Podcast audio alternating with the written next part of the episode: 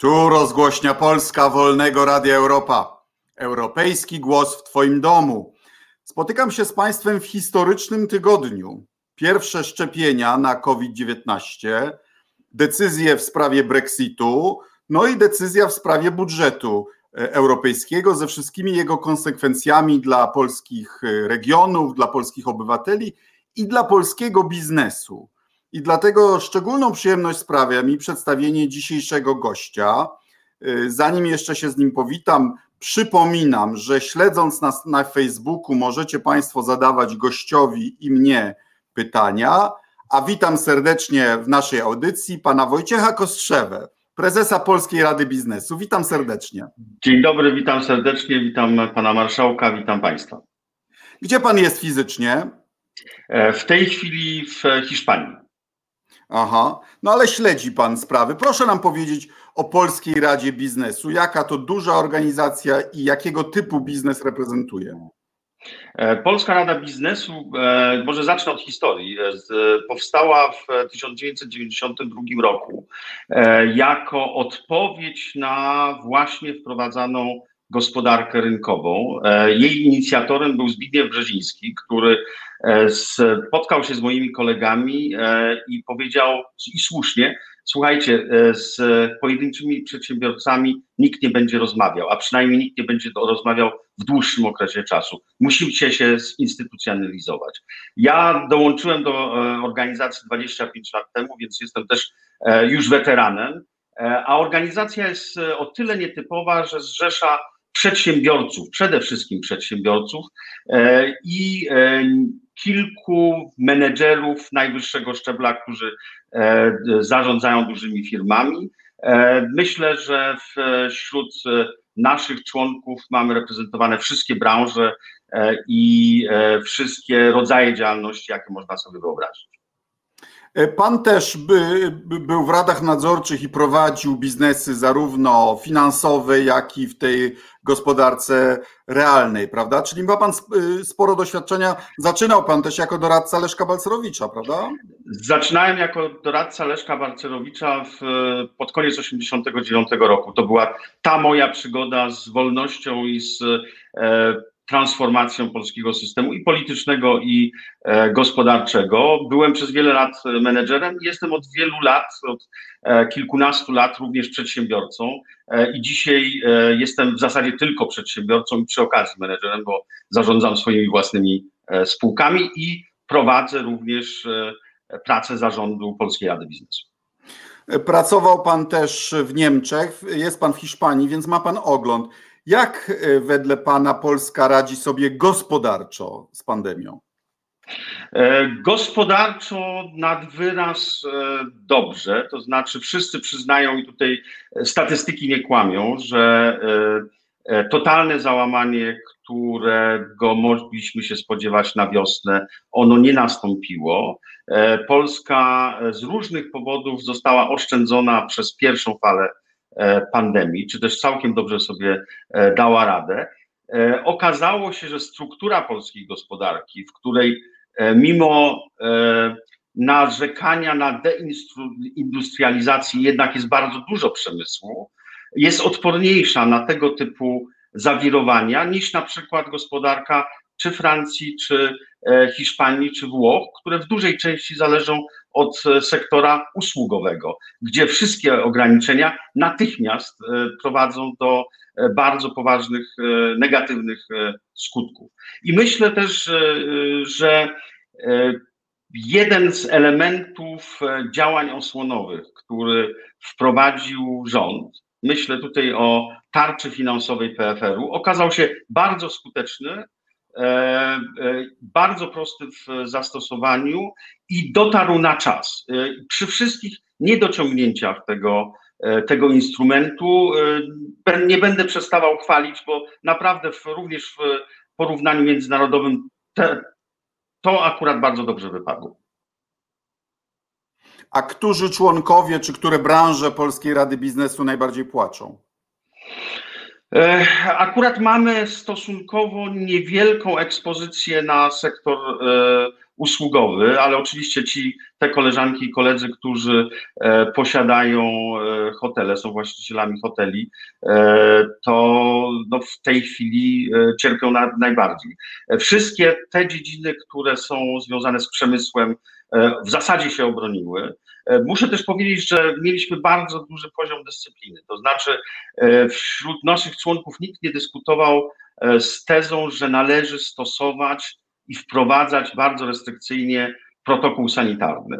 Mało tego, we wrześniu, zanim Polska, polskie władze zauważyły drugą falę, a którą my żeśmy widzieli, bo widzieliśmy, co się dzieje w naszych krajach sąsiednich, E, apelowaliśmy do władz, i do, ale nie tylko do władz, również do społeczeństwa, również do e, koleżanek i kolegów e, przedsiębiorców o to, żeby restrykcyjnie przestrzegać te przepisy, które już wtedy były wdrożone i obowiązywały, tylko nikt się tym nie przejmował. No niestety okazało się, że mieliśmy, że mieliśmy rację. I jeszcze jedna, jeszcze jedna uwaga, mamy wśród nas również E, branże, które są związane z nowymi technologiami. No, e, akurat te osoby czy te firmy e, są w tej chwili na fali, dlatego że nowe technologie to jest dzisiaj synonim cyfryzacji, digitalizacji całej gospodarki. A jak pan ocenia politykę podatkową rządu? No bo najpierw utrudniono wyprowadzanie się z Polski, prawda? Trzeba od tego zapłacić podatek utrudniono obrót ziemią, a teraz od nowego roku w, w, w, wchodzi w życie jakieś 50 miliardów w sumie nowych podatków, prawda? E, ja mówiąc szczerze, nie rozumiem e, polityki podatkowej. E, szczególnie nie rozumiem tego, co rząd robi na przykład z opodatkowaniem spółek komandytowych. Oficjalna narracja jest taka, że chodzi o uszczelnienie systemu podatkowego. Natomiast e, samo Ministerstwo Finansów przyznało, że tak naprawdę wśród kilkudziesięciu tysięcy spółek e, komandytowych, które są przede wszystkim używane przez polski biznes rodzinny, bo to jest najfajniejsza, najsensowniejsza forma zarządzanie średni, zarządzania średnim biznesem, to mówimy o kilkunastu e, firmach, które być może rzeczywiście używają takie struktury w połączeniu międzynarodowym do wyprowadzania pieniędzy. To po co dla złapania kilkunastu e, firm e, uderza się w grono kilkudziesięciu e, tysięcy. To jest jedno, jedna z tych, jedno z tych nielogicznych posunięć, które otwiera nowe fronty, mimo tego, że akurat ten rząd jednocześnie czy Ministerstwo Finansów zrobiło kilka sensownych rzeczy. Myślę i o e, podatku 9% i o tym pomyśle e, estońskiego CIT-u, który nawet jeżeli nie jest niedoskonały, ale jest też krokiem we właściwym kierunku. I to wszystko my jako e, społeczność przedsiębiorców witamy z zadowoleniem. I później dostajemy taki, taki kwiatek, taki prezent jak opodatkowanie spółek komandytowych. Ledwo się udało wynegocjować przedłużenie vacatio legis, ale tak naprawdę my żeśmy walczyli i tłumaczyli, że powinny, przedsiębiorcom powinno się dać co najmniej rok czasu, bo dzisiaj w, w okresie pandemii to jest kolejne obciążenie, to są kolejne koszty i to zamiast zajmować się tworzeniem nowych miejsc pracy, będziemy się zajmować tym, w jaki sposób przekształcić firmę, żeby e, zminimalizować wpływ e, podwójnego opodatkowania. A co pan sądzi o tych regulacjach, że trzeba zapłacić podatek od zmiany rejestracji podatkowej? Z tego, co ja słyszę, poważny polski biznes, który był tym zagrożonym, uciekł z aktywami jeszcze przed wejściem tego podatku. E, no, można e, przypuszczać, że tak rzeczywiście e, miało miejsce. Ja chciałem od razu podkreślić, moja rezydencja podatkowa to Polska i ja się nie wybieram i nie zamierzam zmienić tej, tej rezydencji. Natomiast to jest coś, co jest zupełnie niepotrzebne. Znaczy, znowu uderzy w taką aspirującą wyższą klasę średnią, która być może ma ochotę przenieść się i pomieszkać kilka lat poza granicami kraju, bo przecież w dzisiejszych czasach decyzja o tym, czy E, wyjeżdżam czy wracam, jest decyzją nie na całe życie, tylko to jest decyzja czasowa. E, ja się zorientowałem, że gdybym chciał na parę lat na, na Harvardzie po, poprowadzić moje wykłady na stałe przez parę semestrów, to być może by mi podatek od mieszkania groził. Jakiś absurd. No więc to są, te, to są te absurdy, ma pan całkowitą rację. Mało tego, to wszystko dzieje się w otoczeniu niejasnych interpretacji. To znaczy, logika by pod, podpowiadała, że jeżeli albo pan, albo ja pojedziemy na kilka lat, aby pracować w takiej czy innej formie do innego kraju. Ja kieruję, jestem współwłaścicielem brytyjskiej firmy, więc teoretycznie mógłbym być też dzisiaj w Londynie E, to również teoretycznie e, musiałbym e, zgłosić się i zadeklarować ten exit tax, opodatkowanie na wyjściu zupełnie bez sensu, dlatego że miałbym i tak, i tak zamiar powrócić do, do Polski. Czy oglądał pan może tydzień temu przemówienie premiera Mateusza Morawieckiego w Sejmie? A jeśli nie, to streszczę panu, bo to samo mówił minister sprawiedliwości potęgując te antyunijne nastroje, to całe napięcie przed decyzją w mm. sprawie budżetu, że co my tacy przywiązani do tej Unii, przecież ta Unia de facto nas drenuje z pieniędzy. No niby dają te fundusze e, spójnościowe, ale przecież e, firmy, które zainwestowały w Polsce, jeszcze więcej wywożą pieniędzy w formie dywidend. No co pan na to? Może wy też wywozicie pieniądze? E, na razie to, nie, to inwestujemy i wwozimy pieniądze, ale oczywiście wwozimy po to, żeby kiedyś wywieźć, no bo to tak na tym polega logika, e, logika inwestowania i logika prowadzenia działalności gospodarczej. Ja oglądałem to, e, to przemówienie i muszę powiedzieć, że dawno nie byłem e, tak poirytowany, dlatego że posłużono się najbardziej nie boję się tego słowa, najbardziej prymitywnym skojarzeniem pod tytułem, że istnieją gdzieś źli kapitaliści, źli przedsiębiorcy, w domyśle jeszcze zagraniczni, to już jest w ogóle Niemcy. bardzo podejrzenie. No, można całą listę, można całą listę, prawda, zrobić, którzy e, e, tak naprawdę wyciskają biedną Polskę jak cytrynę. Podczas e, gdy wytłumaczenie jest banalne. My wpłacamy do kasy Unii znacznie mniej niż dostajemy. Jako Polska Rada Biznesu e, spróbowaliśmy to wyliczyć i mamy chyba nadwyżkę 120 miliardów złotych przez te ostatnie 15-16 e, lat, od kiedy jesteśmy e, członkiem Unii, a gdyby policzyć jeszcze wszystkie fundusze preakcesyjne, których było bardzo dużo i które tak naprawdę przygotowały polską gospodarkę do tego, żeby się otworzyć, to bylibyśmy gdzieś tam bliżej prawdopodobnie 150 czy powyżej 150 miliardów. A, a z no drugiej i... strony, a z drugiej strony, przepraszam, tylko skończę myśl, z drugiej strony mamy oczywiście do czynienia z e, fantastyczną sprawą, to znaczy z bardzo dużym napływem inwestycji z zagranicy. I wiadomo, że jeżeli ja inwestuję jako polski przedsiębiorca za granicą, to oczekuję, że z czasem będę otrzymywał dywidendę, z czasem dostanę pieniądze, jeżeli sprzedam 10% e, czy 20% mojej firmy jakiemuś funduszowi w Luksemburgu czy e, w Londynie, i to jest zupełnie naturalne i tego nie można w ogóle e, mylić i mieszać. No ale prawa do dywidendy z zagranicznych inwestycji powinny mieć polskie firmy a tranżerowie z Polski nie powinni wywieźć, wywozić pieniędzy.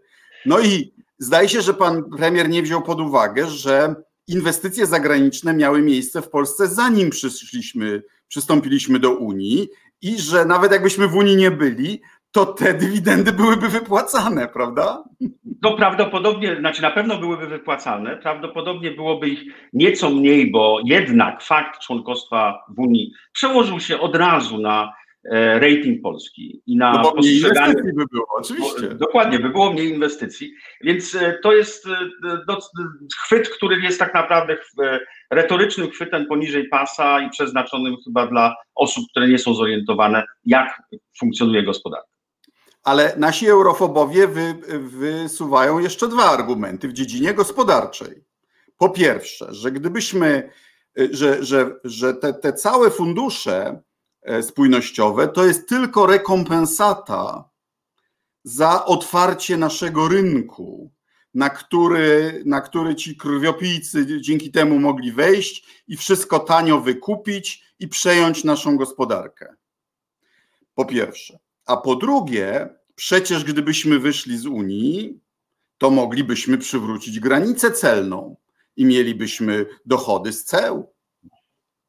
E, z tym drugim argumentem trudno jest polemizować, bo przeczy e, nawet podstawowej e, nauce ekonomii i Europa i świat przeżywał już etapy protekcjonizmu i jak to się skończyło, to wszyscy wiemy. Największym osiągnięciem powojennej Europy, ale również świata, to jest właśnie zniesienie ceł, bo cła tak długo jak były E, traktowane jako źródło dochodu króla, to e, daleko z reguły tych królów e, i te monarchie nie doprowadzały.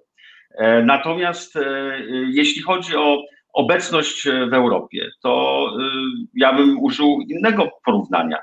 Gdy rozpoczynałem studia w latach 80., w, studia ekonomii w Niemczech, to jeden z moich wykładowców, opisując sytuację w nowych krajach które przystępowały albo miały przystąpić do Unii, wtedy to była e, Hiszpania, Portugalia i Grecja, e, używał między innymi takiego porównania, że proszę bardzo, największe banki, które odgrywają rolę w tych krajach, to są banki z Niemiec, czy z Wielkiej Brytanii, czy z Francji.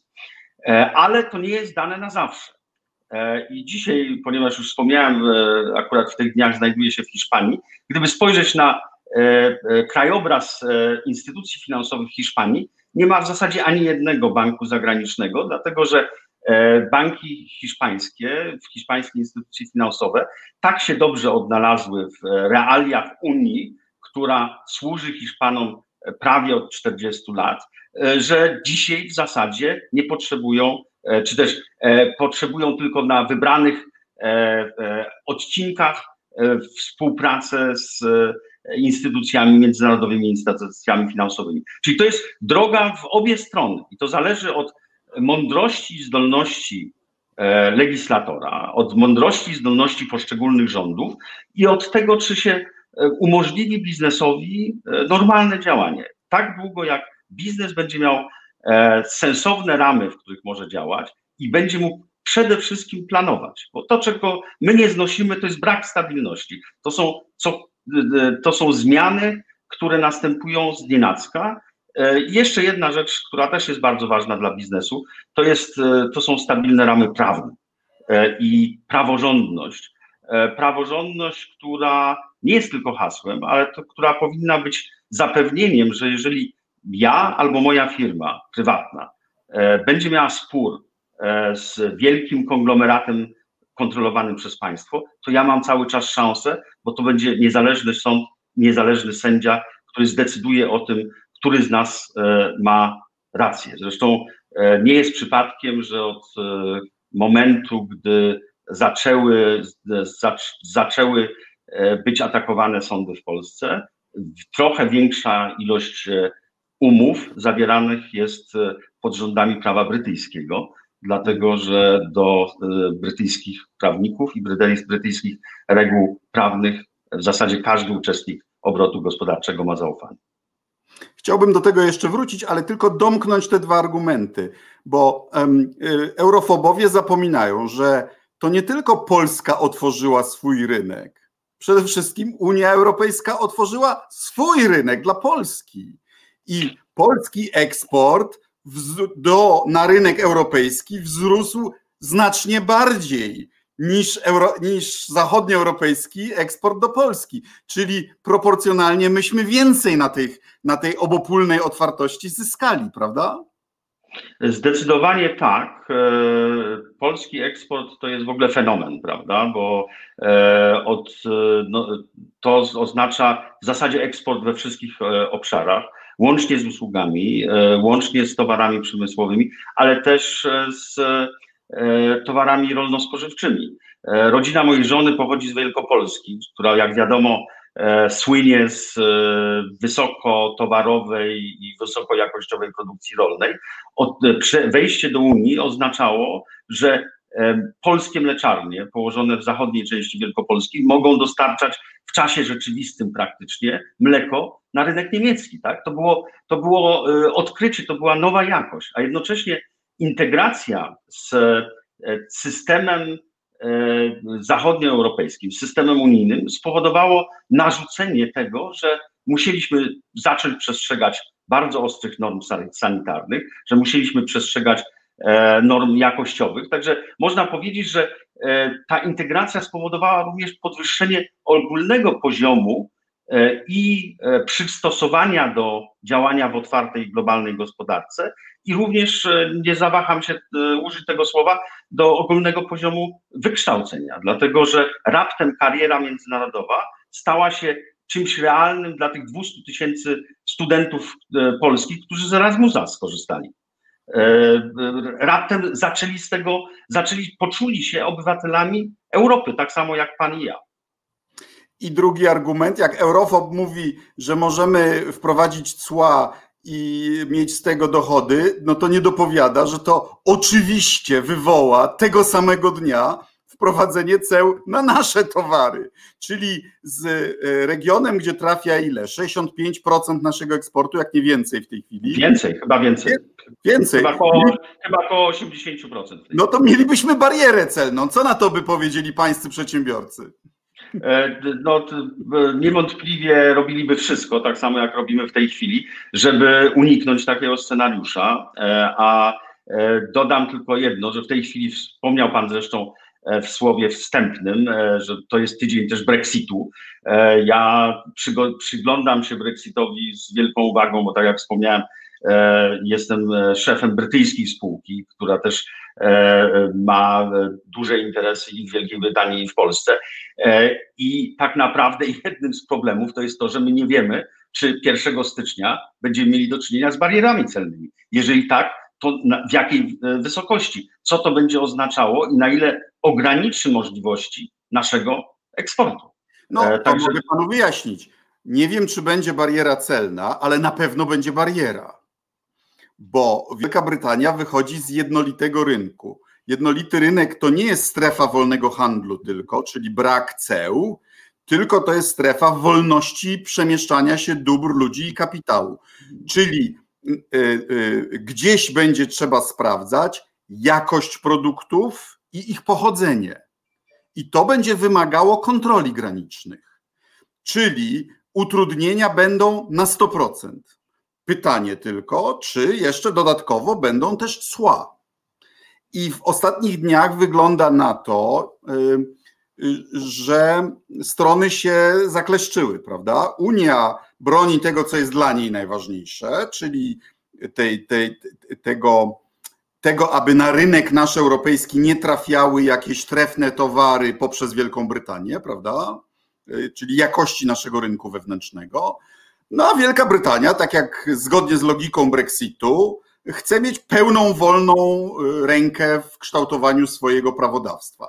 I to się okazuje jest niekompatybilne, prawda? Bo Unia musi mieć rękojmie, że te standardy będą Y, dynamicznie takie same, to znaczy też w przyszłości Wielka Brytania się dostosuje do nowych regulacji unijnych, a Wielka Brytania mówi nie, y, y, robimy Brexit po to, żeby stanowić o sobie. I to jest, zdaje się, nie, znaczy obawiam się, że może być nie do uzgodnienia. Znaczy, ja jestem takim bardzo, bardzo umiarkowanym optymistą, ale może e, niesłusznie.